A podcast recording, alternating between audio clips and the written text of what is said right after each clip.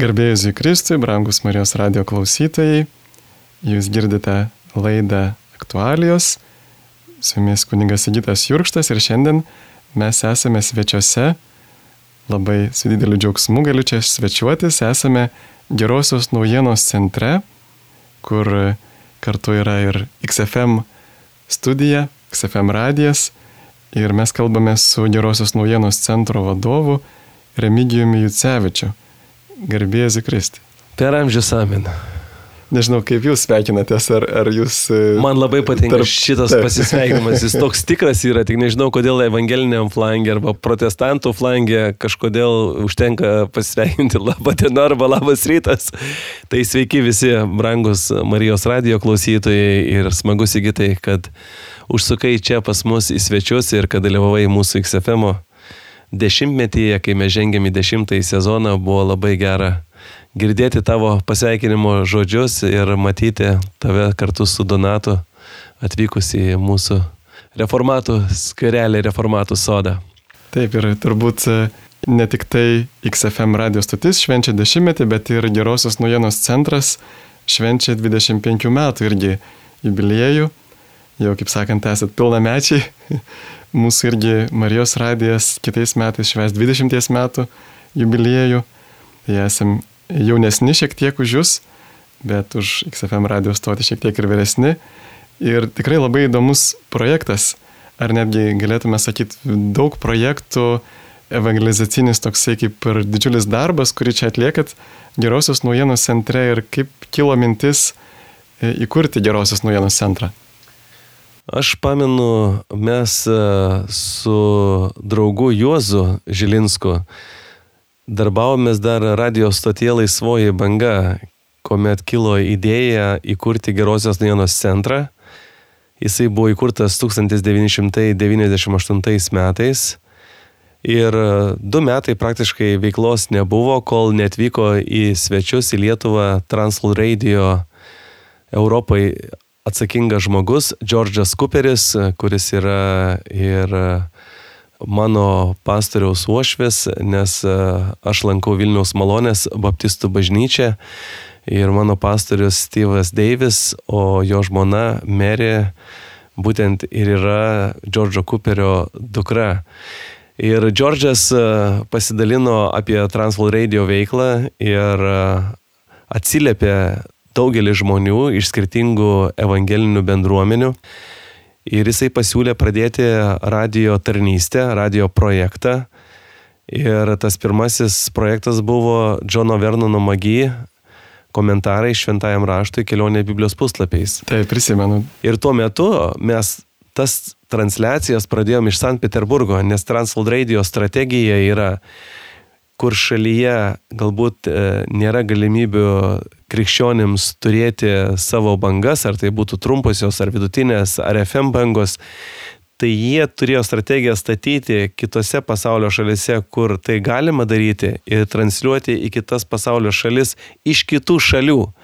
Žodžiu, nuostabi organizacija. Bet kaip radio bangos pasiekdavo Lietuvą iš Sankt Peterburgo? Taip, taip Sankt Peterburgė stovėjo jų vidutinių bangų siustuvas ir jie pamatė, kad jie gali padengti ir mus. Ir mes pradėjom tą darbą, susibūrėm iš skirtingų bažnyčių žmonės, kas tapo diktorius, kas tapo vertėjai, kalbininkai. Žodžiu, tuomet jie pasiūlė man imtis e, vadovo vaidmens, susibūrė valdyba iš skirtingų e, denominacijų atstovų. Ir taip mes pradėjom tą darbą. Tuo metu pirmosios laidos netgi buvo įrašinėjamos, nes aš dar dirbau laisvoji bangoj radio stotyje. Ir ten buvo pirmieji įrašai. Po to jau mes išsinomavom iš rašytojo Šavelio Vokiečių gatvėje e, butuką, ten įsirengėm studiją pamenu, įrašinėdavom, siūsdavom į Bratislavą mini diskus, tad tuomet e, iš Bratislavo signalas per palidovą eidavo į Sankt Peterburgą ir iš Sankt Peterburgo vidutinėmis bangomis dengdavom Lietuvą. Ir po metų dviejų atsivėrė galimybė transliuoti jau per žinių radiją. Ir čia buvo tas mūsų pirminis, pats pirmasis projektas. Po to aš pakviečiau Daivą Baurinę pradėti radio laidą vaikams ir taip atsirado mūsų projektas vaikams vakaro žvaigždelė, kad vaikai dori užauktų. Tada 2002 metais Gedrius Ruplys, ko mes organizavo pirmąjį sielų festivalį, jisai pasikvietė mane į komisiją ir jau kitais metais perdavė sielų festivalį, nes pats išvyko į Junktinę karalystę studijuoti politikos mokslo. Taip atsirado renginiai, atsirado klausytojų dėka mažųjų Viena mama svajojo leisti žurnalą, taip atsirado ir radio laida vakaro žvaigždelė, ir žurnalas vaikams kartu su kompaktinė plokštelė. Ir tada mes pradėjom jau ir įrašais užsiminėti, padėjom broliams ir sesėms leisti muzikinius įrašus. Ir kuomet Lichtimosten organizacija Šiauliuose 2013 metais atvyko kaip uždaryti savo tarnystę, nes jie padėjo e, broliams ir sesėms leisti krikščionišką literatūrą ir žurnalą gyvėjai šaltiniai, bei platinti Trapinką ir Vierą į Žaiz žurnalus rusų kalba leidžiamus, kurie leidžiami Vokietijoje. Ir jie susipažino su manimi, atvyko čia, pamatė Gerosios Dienos centrą ir tiesiog perkelė iš Šiaulių į Vilnių. Ir taip atsirado dar viena veiklos rytis, tai yra leidyba, kad verčiam iš anglų kalbos ar iš kitų kalbų krikščioniškas knygas ir pradėjom leisti knygas. Toliau mes e, sukūrėm naują gyvųjų šaltinių žurnalo Redkolegija, atnaujinom žurnalą gyvėjai šaltiniai ir taip atsirado leidybos tarnystė ir literatūros platinimo. Tai žodžiu, šiandien Gerosios dienos centras turi radio tarnystę, tai yra kelionė Biblijos puslapiais ir toliau transliuojamos per žinių radiją. Tada stebuklingai atsirado radio stotis XFM, šiandien dienai šešiuose miestuose, bet tikėkime, kad septintas miestas sugrįž trečiadienį, taip vilėmės ir tikime. Ir, ir tada minėtai tarnystė vaikams, vat, leidyba, literatūros platinimas ir mūsų organizuojami renginiai, sielų festivalis, krikščioniškos žiniasklaidos konferencija, tada stovykla krikščionims menininkams artumas. Ir kalėdoms turim taip pat e, nuostabu, nuostabią tradiciją. Mes gaunam iš Vokietijos dovanas skirtas šeimoms, seniorams ir vaikams. Ir mūsų atsakomybė yra tas dovanas perduoti. Tai mes turim labai gražią draugystę su bočių klubais ir e, taip pat padedam stokojančiom šeimoms ir aišku smagu, kad galim pradžiuginti ir mažuosius. Čia panašiai kaip samariečio krepšis, tik tai vokiečiai turi savo ilgametę tradiciją. Tai tikrai labai plati veikla ir, ir iš kur randa tiek daug bendradarbių, ar, ar pas jūs daug yra savanorių? Čia geras klausimas Ir per tuos 25 metus buvo visko. Buvo ir tokio savotiško gražaus laiko arba klėstėjimo laiko, buvo ir suspaudimų. Ir ypatingai nelengvas laikas nuo pandemijos prasidėjo, kuomet daugelį pakirto ir pakirto ir rėmėjų, ypatingai karas Ukrainoje daugelį paralyžavo. Tai žmonės kai kurie palūžo, nes kai kurie tikrai pavarksta nuo tos kovos už išgyvenimą. Ir kadangi, kaip aš mėgstu sakyti, mūsų tautos taip iš esmės niekas ir nemokė, ir nepamokė, ir neišmokė tikrų aukojimo, davimo, dosnumo, dalinimosi principų. Ir todėl puikiai ir pats sigitai žinai, kad daugelis tarnyščių iš tikrųjų eina kaip per vandenį, nuo iki. Ir kai kurie žmonės tiesiog lūšta ir tu juos prarandi pačius nuostabiausius bet tie, kurie atlaikys, yra tie, kurie jau atlaiko daugelį metų. Taip ir einam. Tikrai visa tai yra iš Dievo malonės ir tik jo žmonių gerumo ir dosnumo dėka. Nes jeigu aš tai pasižiūriu, žiūrėčiau į skaičius, tai aš nuskeščiau. Bet kai tu žiūri į viešpatį ir pasitikė, ir tu žinai, kad tai jisai pradėjo, čia ne kažkoks uabas kažkieno, bet tai yra jo pradėtas darbas, kaip aš minėjau, nuo Transworld Radio, nuo Džordžo Cooperio, kad sutelkė brolius ir seseris, kurie nori skelbti Evangeliją mūsų tautai. Tai čia yra viešpatės iniciatyva. Mums telieka būti ištikimiems, tikėti ir pasitikėti juo. O ar planuojate dar, nors ir sunku, bet ar planuojate dar aukti, pavyzdžiui, kokią nors televiziją arba dar kažką tokio, kur kitais būdais galėtumėte internetu kažkaip skelbti Evangeliją? Mes jau pradėjom daryti pirmosius žingsnius, nes, kaip aš juokauju, jeigu jau turim XFM, tai jau laikas turėti ir XTV. Tai kai kurie broliai ir seserys jau pakankamai įgūdę kurti turinį ir aš jiems jau siūlau po truputėlį žengti vieną koją ir į vaizdą, kad mes galėtumėm ir nufilmuoti jų sukurtas laidas. Tai labai smagu, kad atsiliepė pirmasis buvęs Seimo narys Povilas Rupšys, kuomet jis pradėjo kurti link tiesos savo laidą ir mes ją filmuojam ir kaip smagu, kad jis labai labai užsidegęs. Taip pat jau sutarta yra su pernai metais pripažinta geriausia radio laida Lietuvoje, regioninių radio stočių, tai mūsų laida Jaunimo kodas.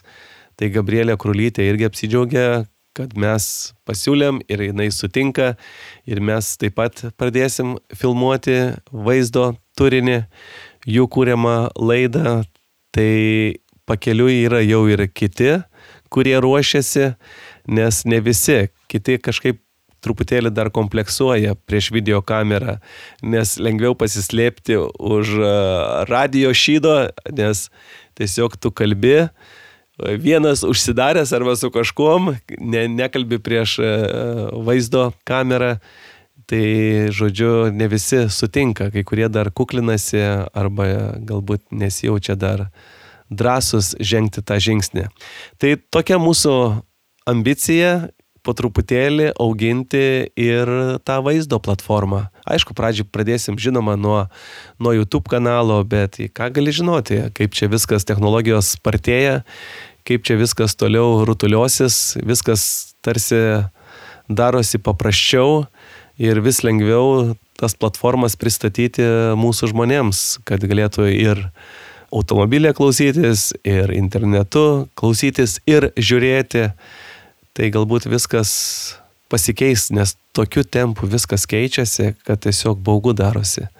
Kad vos, vos spėji žiūrėti, kas darosi. O dabar dar grįžau iš Bratislavos, iš Transworld Radio metinės nacionalinių partnerių konferencijos ir kuomet pamatai, tema buvo pagrindinė dirbtinis intelektas ir kuomet susipažinau taip iš esmės kokie milijardai investuojami į dirbtinį intelektą ir kaip jisai uzurpuoja visas gyvenimo sritis ir, ir galbūt daugelį specialybių ir tuo pačiu ir paliečia ir visą mediją, ir mus, ir žurnalistiką, ir scenarijų rašymus. Ir pats jau pademonstravai man, kuomet dirbtinis intelektas tampa kaip ir talkininkas, bet kita vertus ir sukuria tam tikrų naujų pavojų. Nes, kaip gerai buvo pasakyta, tokie pinigai yra investuojami, kad praktiškai politikai ir, ir, ir teisininkai nebespėja vytis ir suprasti, kas vyksta ir kaip tai įteisinti ir kaip apsaugoti paprastą žmogų nuo galbūt jau ir neigiamos įtakos tam tikros dėl intelektinių visų teisių ir taip toliau ir taip toliau. Nes tai yra, gerai buvo pasakyta, sako, Dievas sukūrė žmogų pagal savo atvaizdą ir pavydalą. Tada žmogus sukūrė mašiną, o dabar sukūrė mašiną protingesnę už jį patį, kuomet jisai suteikė visas žinias žmogiškasias, dirbtiniam intelektui ir klausimas tik tai, kada ta protinga mašina pasakys, ką nors žmogau, tu man nebereikalingas aš ir be tavęs puikiai egzistuoju. ir, ir nedaug dėmė, kai sužinai, kad dirbtinis intelektas turi ir, ir savotiškas halucinacijas, tai ne, negali vieną rytą gali atsibusti ir pamatyti perkeistą pasaulį, kuomet visur jisai įžengia į automobilį, įžengia į mūsų mobiliuosius, įžengia į visur. Ir tarp kitko labai įdomu, kad labai įdomiai skamba ir apreiškimo knyga, kuomet tu labai aiškiai įskaitai, kad atvaizdas bus įgalintas kalbėti. Nes ką mes matom per savo išmaniuosius atvaizdą ir dirbtinis intelektas tuos atvaizdus, nu, įgarsina, jie pradeda kalbėti visomis pasaulio kalbomis, tai ohoho, kas mūsų laukia, kokiamis dienomis mes gyvename.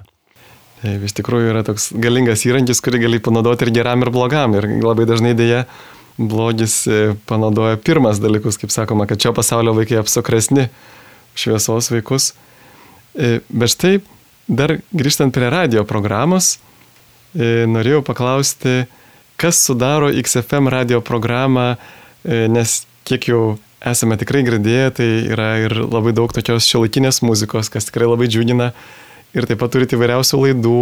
Ir koks yra tas spektras e, radio programos XFM?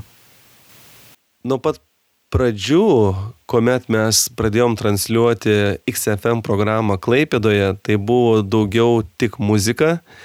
Ir kuomet iš Radijas 9, nes mes įsigijom tą radio stotį ir tada pakeitėm pavadinimą ir e, programą tai mes turėjom vieną ar dvi ekomisiją, seniausią mūsų e, radio laidą ir tada Biblija berots suprantamai buvo ir aišku mūsų vakaro žvaigždelę berots pradėjom transliuoti. Tai ta pradžia buvo daug, daug muzikos ir mažai, mažai laidų. Bet e, tada mes jau pradėjom kovoti, dalyvauti konkursuose dėl FM dažnių Pamenu, tada antras dažnis buvo, mes nusipirkom aukštaitijos radiją, panevežio radio stotį. Ir tada jau dalyvavom konkursuose ir tada jau pradėjo sukritinėti ir atsirasti visos laidos, kurių šiandien yra 25. Tai atsirado vieta ir skautams, atsirado vieta ir jaunimui, atsirado vieta ir e, šeimos, vyro ir žmonos santykiai, kuomet Pikūnai, abu Mindaugas ir Kristina kartu saldu radio laidą pradėjo. Dar tuo metu jisai buvo berots pirmasis žinių redaktorius. E, Mindaugas Pikūnas žinias skaitė, tik po to jau Rokas Simanavičius atėjo, kaip aš sakau, mūsų radio stoties balsas. Ir po truputėlį jungėsi žmonės, kurie norėjo prisidėti ir aišku, neprofesionalai, nebaigę žurnalistikos mokslo nes ir radio laida ir moteriams, ir po to pasaulinės lyderystės konferencijos, kadangi mes esame irgi vieni iš organizatorių, atsirado lyderystės klubas radio laida nukreipta į lyderius, kaip padėti jiems tapti geresniais, panašesniais į mūsų viešpatį. Ir taip yra, kad šiandien su visom rubrikom ir laidomis jau yra apie 25, vienu metu buvo net 27. Nes aišku, pas mus yra ir, ir 15 minučių, ir, ir 3 minučių, ir valandinė. Bet stengiamės išlaikyti formatą, kad būtų santykis maždaug 70-60 procentų muzikos ir 30-40 procentų kalbų. O apskritai Tai noras yra išmokti kalbėti ir pasakyti, ką nori pasakyti per 3-5 minutės. Kaip aš sakau, 3 minutės yra auksinės, 5 yra sidabrinės, o 7 jau yra varinės, o visa kas viršaus jau tampa geležiu. Nes šiandien dienai... Tai mūsų jau pokalbis geležinis. nes šiandien dienai aš suprantu, kad yra tam tikras tipas klausytojų, kurie gali klausytis visą valandą ir turi laiko. Bet šiaip šiuolaikinis žmogus, jeigu jis juda iš taško A į tašką B ir šiandien sutikėm, kad daugiau radio klausosi automobiliuose, tai žmonės, nu, kai kurie važiuoja tas ilgesnės distancijas ir migruoja per visas radio stotis, bet šiaip statistiškai žmogus turinį te priima maksimum 3 minutės ir jisai nori jau muzikos. Tai dėl to mes norim išlaikyti tą tokį šiuolaikišką alsavimą, kad kalbam saikingai ir tas yra gerai, kažkas yra gerai pasakęs. Jeigu neturi pasakyti daugiau nei pasako daina, tai leisk dainą. Tai va, tai dėl to mums kaip ir prioritetas yra Dievo žmonių kūryba, tai yra muzika ir mes esam muzikinis informacinis radijas ir norim transliuoti naujausią šiuolaikinę krikščionišką muziką iš viso pasaulio ir tai mums yra prioritetas. Ir faktas, kad klausytojai mūsų vis labiau ir labiau prašo lietuviškos muzikos, bet... Mūsų taip pat. Taip, bet su lietuviška muzika yra bėda, kad labai skiriasi nuo užsienietiškos. Nes nori, nenori, visa muzikinė virtuvė ir, ir kaip aš sakau, kalvė yra arba Junktinė karalystė, arba Junktinės valstijos, Amerikos valstijos. Iš ten ateina visa, visa muzika, geriausia muzika. Ir iš tos muzikos praktiškai netgi mes mokomės. Jeigu paimti bent jau evangelinės bažnyčias, tai daugelis giesmių yra tiesiog verstinės, užsienietiškos. Ar tai būtų Hilsongo, ar tai būtų Kristomlino, ar tai būtų Matt Redmano iš Junktinės karalystės. Daug, daug mes turim verstinių giesmių. Bet dar kitas dalykas yra, kad šiandien dienai mes neturim stiprių aranžuotojų, neturim mes stiprių garso režisierių, producerių, kurie tą muziką kilsteltų į kitą lygį. Mums į Nešvilį važiuoti įsirašinėti, mes neturim tiek pinigų. Netgi Lietuvoje daugelis brolių ir sesių neturi lėšų savo kūrybą įamžinti. Ir man... Reiškia, jie kūrė, bet jie neturi kaip įsirašyti. Taip, nes, pavyzdžiui, mes jau daugelį metų, jau šiais metais 22-asis e, sielų festivalis. Ir tikslas yra, kaip padėti broliams ir sesėms tą kūrybą, kurią jie atveža į festivalį, kad jie per metus įrašytų tą albumą. Ir daugelis sako, mes neturim lėšų, po to mes neturim laiko, po to mes net neturim laiko susirepetuoti ir neturim pinigų samdyti geriausius muzikantus, kad jie sugrotų vietoj mūsų. Ir va čia atsiranda ta, kaip pasakyti, duobė, kur žmonės prašyti prašo, o mes neturim, nes neturim lėšų padėti jiems įrašyti tas gesmes, tas dainas. O aš norėčiau, kad per XFM būtų 50 ant 50, kad 50 būtų užsienio atlikėjų, o 50 procentų būtų saviškių, bet tai būtų graži, šio laikiška, tikrai kokybiška muzika, niekuom nesiskirianti ir nenusileidžianti užsienio atlikėjams. Mėly Marijos radio klausytojai, jūs girdite aktualių laidą. Šiandieną mes su Marijos radiju svečiuojamės XFM radio studijoje, kurios vadovas e, Remigijus Jucevičius yra čia su mumis ir kalbasi, dalinasi savo laiku šį vėlą E, šiuo metu įrašinėjom vėlai vakare, bet jūs girdėsite ryte. Ir man labai įdomu šitą temą apie šiuolaikinę krikščionišką muziką jūs užsiminėte. Tai jeigu aš teisingai suprantu, yra pakankamai daug jaunimo grupių ir apskritai muzikos grupių Lietuvoje, ar ne? Tik tai jos susiduria vat, būtent su tokiu finansiniu turbūt labiausiai klausimu, nes kaip kokybiškai tai įamžinti. Ir, o pavyzdžiui, jeigu vat, atsirastų žmonių, kurie tikrai norėtų paremti krikščionišką muziką Lietuvoje, kaip jie galėtų surasti tos talentus, kaip jie galėtų juos paremti. Tiesiog reikėtų kreiptis į mane, į Gerosios Dienos centrą, nes mes turim ir savo garso įrašų studiją, turim nuostabų apdovanotą žmogų Algirdą Veževičių, garso režisierių, kuris dėsto ir akademijoje. Ir mes jau kartu esame įrašę ir Angelės Joknytės albumą mūsų studijoje ir daugelį kitų atlikėjų. Dabar Justinas Tenislovaitis jau baigė įrašinėti savo albumą tikrai visos sąlygos yra. Tiesiog skambinkit ir sakykit, kad norit padėti. Jeigu norit padėti, tai mes jau dabar sakome didelį ačiū Jums, nes tikrai šusnis nuostabios kūrybos laukia tos dienos, kada visa tai suskambės, pataps kokybiškais įrašais ir daugelį žmonių pamalonins, padrasins ir kas svarbiausia, palidės link viešpaties. Ir dar vienas dalykas yra, kartais atsiranda meistriškumo stoka.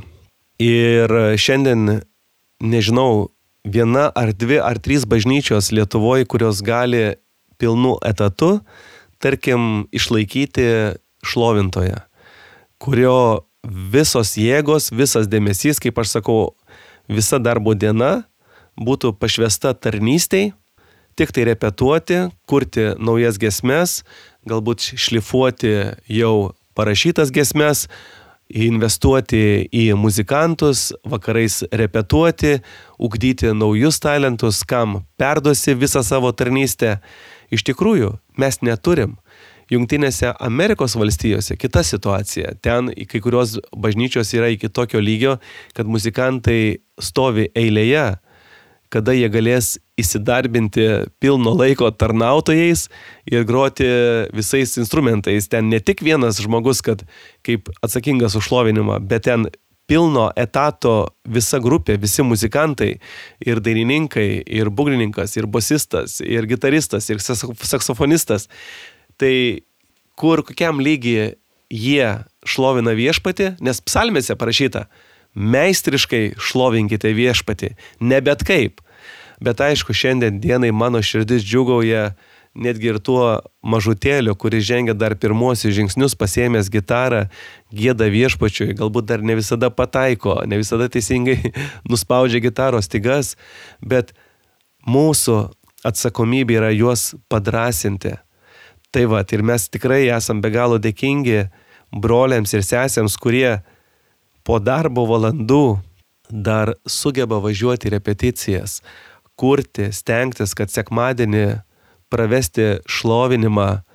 Tai yra didžiulė dovana ir pasiaukojimas ir be galo brangų žmonės yra, kurie atveža savo kūrybą į sielų festivalį, kurie dalinasi, pasiaukodami ir norisi jau dabar pasakyti didžiulį ačiū ir šeimos nariams, kad vyrai supranta savo žmonas, kurios atvažiuoja arba žmonos pabūna su mažaisiais namuose, lieka vienos, bet išleidžia savo vyrą būgnininką ar gitaristą, kad jisai galėtų palaikyti grupę vieną ar kitą atlikėją, kuris kūrė gesmes jam prigrodami. Tai iš tikrųjų yra tų žmonių, kurie labai labai pasišventę ir daugelis iš jų pavarksta, juos tikrai reikia padrasinti ir taip norisi, kad bendruomenės didesnį dėmesį jiems turėtų, kad paklaustų, ar nereikia jau naujo instrumento ir, ir kad jie turėtų už ką nusipirkti naujas stygas ir, ir tobulėti, galbūt ir, ir paimti pamokas pas profesionalų muzikantą, kad jie galėtų investuoti į save kaip išlovintoje, kad jis išmoktų tikrai meistriškai savo talentu šlovinti viešpatį ir nešti Evangeliją pasauliui su gitara rankose. Net ir psalmėse, man atrodo, kažkur yra parašyta, kad šlovinkite viešpatį gitaromis. Turbūt tasai senovinis instrumentas jis buvo kažkuo ir panašus į gitarą, ar ne? Styginiais, arfos, Taip. jo, arfos ir ar kiek, kiek žinau, tie visi, kiek dabar tenka suturti tie e, žydiški instrumentai, kuriuo aš gyvenime nesu regėjęs. Tai įdomu, kai buvo, kuomet e, Davidas skambino arfą ir nuo Sauliaus piktoji dvasia pasitraukė. Tai jau tuomet tu supranti, koks tai yra galingas įrankis, Dievo mums duotas, ar ne, nes aš manau, kad pilna karalystė, Dievo karalystė pilna dangiškos muzikos ir e, mes esam tik atspindys, galbūt tik tai šešėlis, tai ką mes tengiamės atnešti viešpačiui, gėdodami gesmes, grodami muzikinius kūrinius, ar tai būtų gospel stilius, ar tai būtų klasika, ar tai būtų vargonų muzika, ar tai būtų folk, rokas, ar tai būtų pop muzika. Ir šiandien ypatingai, aš manau, dėmesio stoka į jaunus žmonės. Nes šiandien mes neturim tų vedlių, jaunimo vedlių, kurie eitų žingsnis į žingsnį su laiku. Nes aš stengiuosi visada į sielų festivalį atsivežti gerus pavyzdžius iš Junktinės karalystės, nes čia yra pats pigiausias kelias. Iš Amerikos atsivežti labai labai viskas subranksta, o festivalis dar neturi tokio galingo mecenato, kad sakytų Remigijau, veškime pačias ryškiausias grupės iš Amerikos, sumokėkim jiems tuos dešimtinius, tūkstantinius honorarus, bet tegul jie atveža savo kūrybą ir padrasina mūsų jaunimą ir papasakoja apie viešpatį.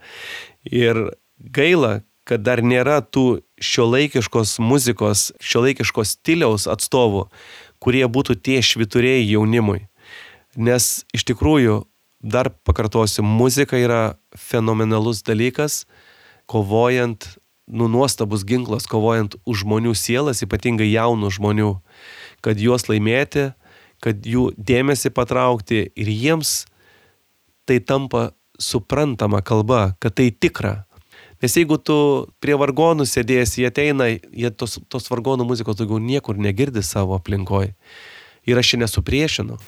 Nuostabi vargonų muzika. Kažkas yra sakęs, kad, nu jo, sako, iš tikrųjų labai gražu pasiklausyti vargonų, bet sako, kas iš jūsų klauso vargonų muzikos savo laisvalaikį. Taip, taip.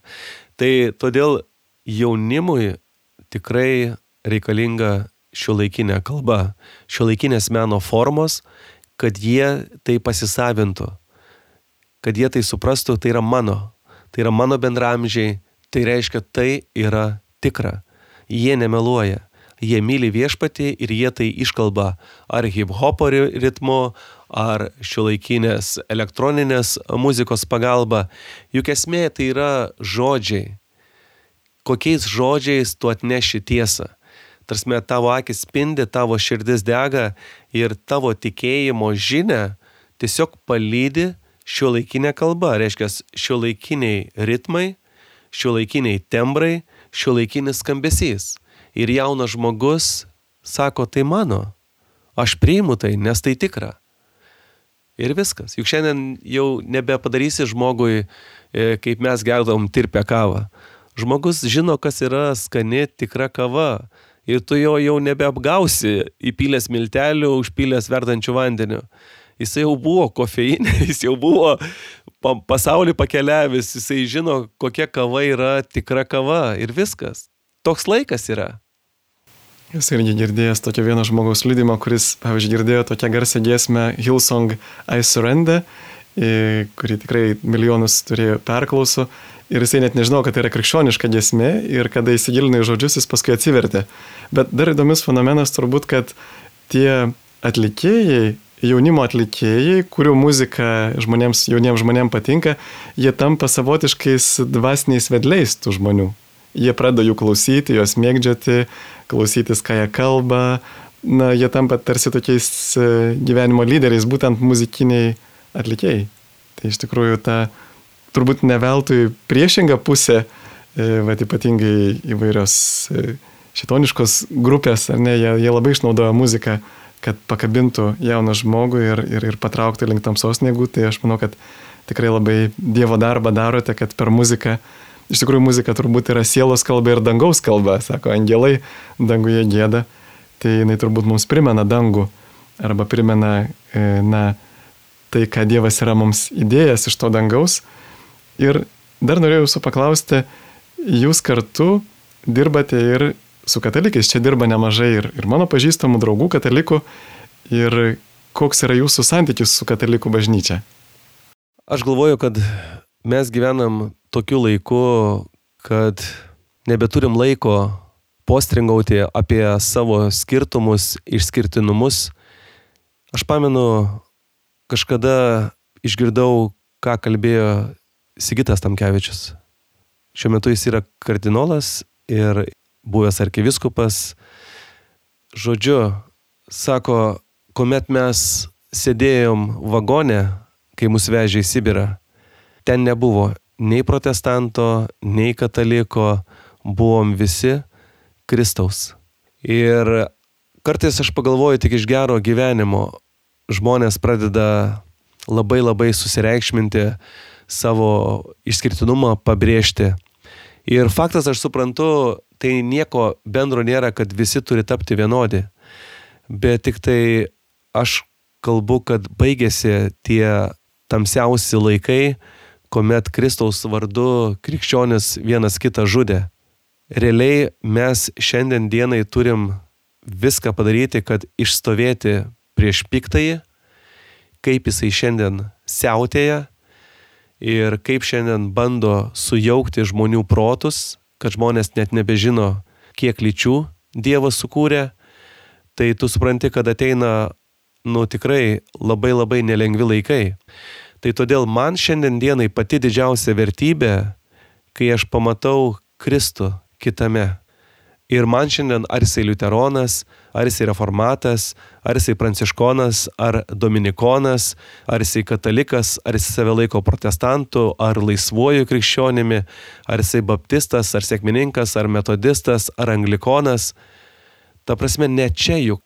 Juk gerai pasakė Andy Stanlis per pasaulinę lyderystę konferenciją. Kristus nesimeldė už mūsų denominaciją, nesimeldė už mūsų konfesiją, jisai nesimeldė, kad mūsų pastatai būtų gražiausi, jisai meldėsi, kad mes būtumėm viena. Nes tik iš to, iš mūsų meilės, žmonės pažins Kristų, kaip mes mylim vienas kitą.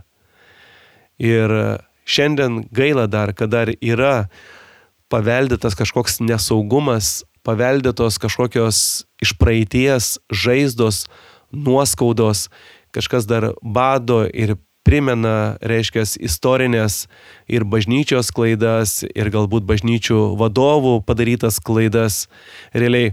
Bet kažkas yra teisingai pasakęs, bet juk Kristaus kūnas tai 2000 metų. Nes aš kartais matau tokią pagundimą, tie naujieji religiniai judėjimai, jie taip susireikšmina, kad jie staigiai šoka prie apaštalų. Vat apaštalai ir mes, va čia yra teisingiausi krikščionis. O visa kita, kas tarp mūsų ir tarp paštalų, tai ten buvo grybautojai. Jie grybą pjovė, jie kažkur klaidžiojo, o mes čia esame dabar tie teisingiausi. Tai man tai yra iššūkis iš tikrųjų priimti visus ir apaštalų mokinius, ir apaštalų mokinių mokinius, ir taip toliau, ir taip toliau, ir taip toliau. Ir kas buvo Cvinglis, ir kas buvo Liuteris, ir kas buvo Kalvinas, ir kas buvo tie patys Jono Krikštitojo mokiniai. Jau net tuo laiku buvo, ar ne? Jėzus mokiniai skundėsi, klausyk, Jono Krikštitojo, jie kažkaip nesu mumis, jie neina, mes sakome, einama, jie neina. Tai va ir Jėzus sako, klausykit, sako, kas ne prieš mus tas su mumis. Tai todėl yra didžiulis džiaugsmas žengti tą žingsnį į tą sveiką, tikrą ekumeniją. Ekumeniją Kristuje.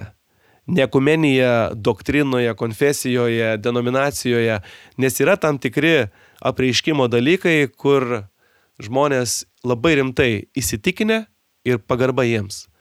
Sėkmininkai tiki, kad tu esi tada pilnavertis krikščionis, kuomet meldiesi svetimomis kalbomis. Ar ne? Baptistai įstikinę, kad žodis svarbiausia ir to užtenka pilnai viskam.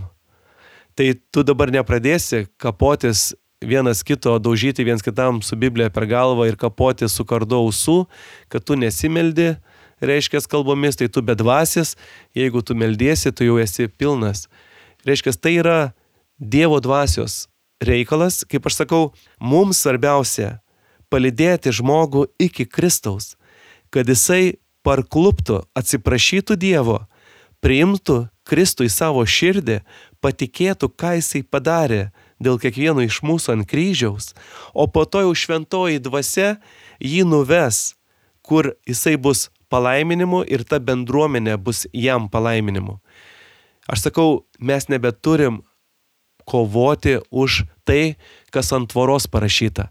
Kažkada Dominikonų dar buvo tokia grupė Password pamenu ir ten brolis e, Pijus buvo, bet Evelina, pamenu, tuo metu pasakė Remigijau, Dievui nesvarbu, kas ant tvoros parašyta. Dievas iš aukštai, kai žiūri, jisai nemato, kas ant tvoros užrašyta. Dievas žiūri į tavo širdį. Dievas ieško jį mylinčių širdžių, jisai beldžiasi į mūsų širdis. Ir mes turim išmokti priimti su dėkingumu Dievui kiekvieną brolį ir seserį, kuris myli Kristų ir galbūt eina savo taku, savo įstikinimų taku, savo doktrinos taku. Realiai mes turim šitame laike pradėti dar labiau branginti tai, kas svarbiausia, kad mes esame Kristaus, kad mes esame dangiškojo tėvo vaikai ir kad mumise gyvena šventoji dvasia ir to užtenka, mes turim šventą įraštą. O kur tu eini, ar tu gėdi gesmes klasikinės muzikos dėka, ar tu pasėmęs gitarą, ar tu pasėmęs elektrinę gitarą šiek tiek garsiau, šlovinį viešpatį. Čia jau yra tik tai mūsų liturginiai, mūsų tikėjimo išraiškos formos. Bet šiandien dienai mes turim susikabinti širdimis, realiai, kad kuo daugiau žmonių, kol mes esam gyvi, laimėtumėm jam, kad mes netrukdytumėm Kristui per mus kažką gražaus, nuostabaus nuveikti mūsų tautoj, mūsų kartoj šitame laike. Ačiū Jums labai už tą įkvepiantį žodį, padrasinimą. Ir tikrai gera žinoti, kad e, ir ant mūsų katalikų, aš tai Jūs nepykstate, bet e, žiūrit e, na, su viltimi, su meilė, su tikėjimu, kad mes vis tiek esame krikščionys, Dievo vaikai. Ir tikrai turbūt šventoji dvasia kiekvienam išdalina skirtingas dovanas ir yra gera, kai susitinkam kartu ir galime tomis dovanomis dalintis, netgi ir skirtingos bažnyčios, skirtingos bendruomenės krikščioniškos. Tai tuo šiandien laidą ir baigiame. Prie mikrofono buvo aš kuningas Sigitas Jurkštas ir su mumis kalbėjusi Remigijus Jucevičius, XFM radio ir taip pat Gerosios naujienos centro vadovas. Ir atsisveikiname iki kitų susitikimų ir galite taip pat melsis už XFM radiją. Jie švenčia 10 metų jubiliejų, Gerosios naujienos centras 25 metų jubiliejų. Ir tikrai tegul Dievas laimina visas jūsų tarnystes, jo garbiai sudė. Ačiū labai, Sigitai, su Dievu.